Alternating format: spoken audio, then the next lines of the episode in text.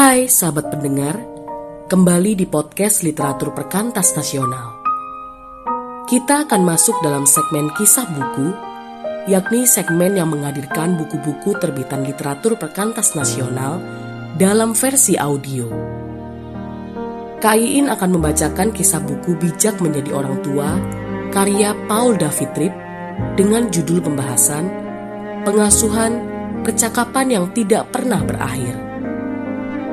Sahabat pendengar, selamat menikmati kisah buku ini. Pengasuhan Percakapan yang tidak pernah berakhir. Bagaimana seharusnya semua restrukturisasi dan pembentukan ulang cara berpikir kita tentang tugas panggilan kita sebagai orang tua. Apa seharusnya ekspektasi dan komitmen kita?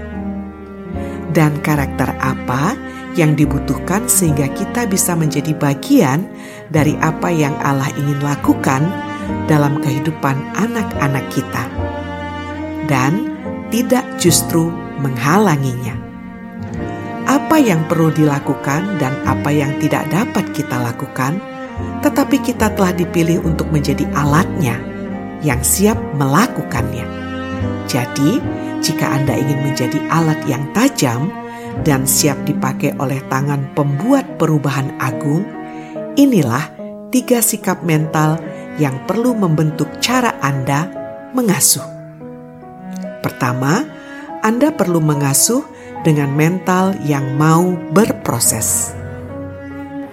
Penting untuk membuat pergeseran mental atau rohani, yakni dari memandang pengasuhan sebagai suatu rangkaian kegiatan mengoreksi yang tidak saling berelasi, menjadi memandang pengasuhan sebagai proses seumur hidup yang saling berelasi.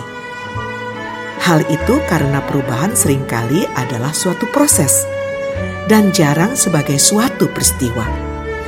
Anda perlu mengingat bahwa Anda tidak dapat mencari suatu hasil transformasi yang dramatis dari relasi Anda dengan anak-anak Anda. Perubahan jarang melakukan percakapan yang saling berhubungan satu sama lain, dan juga mengenai peristiwa-peristiwa yang belum selesai dalam setiap momen yakni ketika Anda sedang mengajarkan hikmat kepada anak-anak Anda. Setiap saat Anda sedang membuka hati anak Anda, setiap saat Anda sedang membangun kesadaran diri anak Anda, setiap saat Anda menghidupkan hati nurani anak Anda, setiap saat Anda memberi anak Anda kesadaran akan Allah yang Maha Agung. Setiap saat Anda sedang menyusun cara pandang dunia Alkitab kepada anak Anda, dan setiap saat Anda memberikan kesempatan kepada Roh Allah untuk melakukan berbagai hal yang tidak dapat Anda lakukan dalam diri Anda dan anak Anda. Bapa yang bijaksana merancang pengasuhan kita sebagai suatu proses yang berjalan sedikit demi sedikit, sepotong demi sepotong. Ia telah memanggil Anda untuk memanfaatkan momen-momen kecil dalam kehidupan ini untuk mengambil langkah-langkah kecil bersama anak-anak Anda. Ia telah memanggil Anda untuk menambahkan potongan lain pada pandangan mereka tentang diri mereka sendiri. Allah, orang lain, dan kehidupan. Ia telah memanggil Anda untuk menambahkan potongan lain pada kesadaran moral atau rohani mereka. Inilah pengasuhan. Orang-orang yang belum jadi, yaitu kita para orang tua, digunakan sebagai agen-agen transformasi Allah dalam kehidupan orang-orang yang juga belum jadi. Dan ia benar bahwa seperti Anda, anak-anak Anda akan meninggalkan rumah Anda dengan keadaan yang masih belum jadi. Salah satu hal terakhir yang Yesus katakan kepada murid-muridnya ialah ia punya banyak hal lain untuk diajarkan pada mereka. Tetapi mereka tidak berada dalam waktu di mana mereka mampu menanggungnya. Ia menjanjikan mereka dengan mengirim seorang pengajar lain untuk menyelesaikan pekerjaannya. guru terbaik dunia telah mengalami suatu proses mentalitas, dan karenanya ia bersedia meninggalkan pekerjaan. Kedua, Anda perlu melihat pengasuhan sebagai percakapan tanpa akhir. Sebagai orang tua, saya mendapati bahwa mentalitas ini luar biasa membebaskan. Mari saya jelaskan.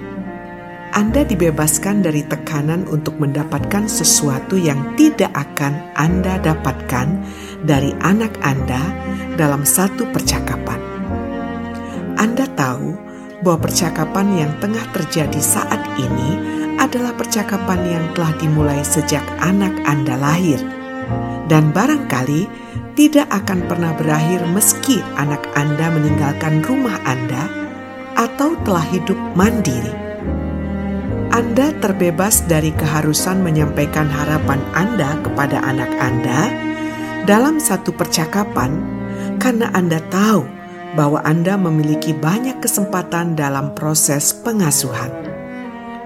Anda lihat, Allah mengasihi anak Anda lebih daripada Anda, dan karena Ia mengasihinya, Ia telah menempatkannya dalam suatu keluarga beriman. Ia akan mengungkapkan apa yang salah dengan anak itu berulang kali, sehingga Anda akan punya kesempatan demi kesempatan untuk mengambil langkah dalam proses kesadaran, pengakuan, komitmen, dan perubahan di mana ia telah memanggil Anda untuk menjadi bagian dalam kehidupan anak Anda. Jadi, setiap hari Anda mencari kesempatan lain untuk meneruskan percakapan penting itu, di mana koreksi dibutuhkan sebagai interupsi. Di saat yang sama, anugerah-anugerah yang disediakan bagi Anda oleh Allah bekerja dalam hati dan kehidupan anak-anak Anda. Jadi, Anda tidak marah pada anak-anak Anda yang memang membutuhkan Anda. Anda senang dengan kesempatan lain untuk meneruskan proses tersebut. Di sini, dalam sebuah ungkapan adalah komitmen diri Anda. Banyak momen kecil perubahan. Mungkin beberapa momen itu bisa terjadi di tempat tidur, dalam suatu pembicaraan singkat di meja makan, dalam percakapan saat sedang belanja bersama, diskusi setelah pulang sekolah, dan diskusi saat perjalanan di dalam mobil. Anda dipanggil untuk mensyukuri setiap langkah dan tahapan yang diambil untuk menyelamatkan, memulihkan, dan mentransformasi anak-anak Anda. Anda bangun setiap pagi menyadari apa yang diperlukan, tetapi bersyukur untuk hari berikutnya, di mana Anda dapat mengambil langkah-langkah lain untuk anak-anak Anda dalam proses terpenting di dunia. Ketiga, Anda perlu mengasuh dengan suatu mentalitas proyek. Ketimbang menjadi reaktif sebagai orang tua, Anda harus hidup bersama anak-anak Anda dengan suatu persepsi proyek. Apa artinya? Anda mengenal anak-anak Anda. Anda tahu di mana mereka cenderung lemah, buta, tergoda, memberontak, dan di mana mereka bergumul. Jadi, anda mencari kesempatan-kesempatan untuk menyampaikan apa yang telah Allah tunjukkan kepada Anda. Ini berarti setiap hari Anda mencari cara untuk melibatkan anak Anda dengan pertimbangan bahwa hal yang Anda telah ketahui adalah hal penting. Anda menunjukkan hal-hal kecil yang sederhana kepada anak empat tahun dan hal-hal yang jauh lebih canggih kepada si remaja tetapi dalam setiap contoh, Anda arahkan percakapan itu karena Anda sedang mengasuh dengan satu persepsi proyek. Dan karenanya, Anda siap menangkap kesempatan lain yang diberikan Allah. Karena kebanyakan dari kita tidak mengasuh dengan suatu persepsi proyek, cara pengasuhan kita cenderung reaktif. Sehingga ketika dikejutkan dengan datangnya masalah, maka menggerakkan kita untuk bertindak. Oleh karena itu, kita bereaksi dengan melakukan apa yang menurut kita bisa dilakukan dengan sebaik mungkin. Masalahnya, dengan hal ini ialah bahwa cara pengasuhan seperti itu juga membuat kita menjadi reaktif secara emosi. Karena kita tidak membawa mentalitas proyek ini ke mana-mana, kita cenderung melihat momen-momen ini sebagai interupsi dan kerepotan. Dan karenanya, kita cenderung untuk menanganinya secara emosional. Apa yang dihasilkannya bagi anak Anda adalah suatu struktur otoritas yang tidak beraturan dan tidak konsisten. Kemarin Anda tidak baik secara emosi. Anda sampai mengangkat raket ke rumah sambil berteriak kepada anak-anak. Hal ini Anda merasa baik, tetapi anak-anak tidak beranjak dari pertikaian kemarin dan kembali membuat kebisingan yang sama. Sayangnya, bukan tumbuh dalam persepsi sebagai seseorang yang membutuhkan kasih dan tunduk pada otoritas yang telah Allah tempatkan dalam hidup mereka. Banyak anak-anak justru menjadi peramal cuaca emosi.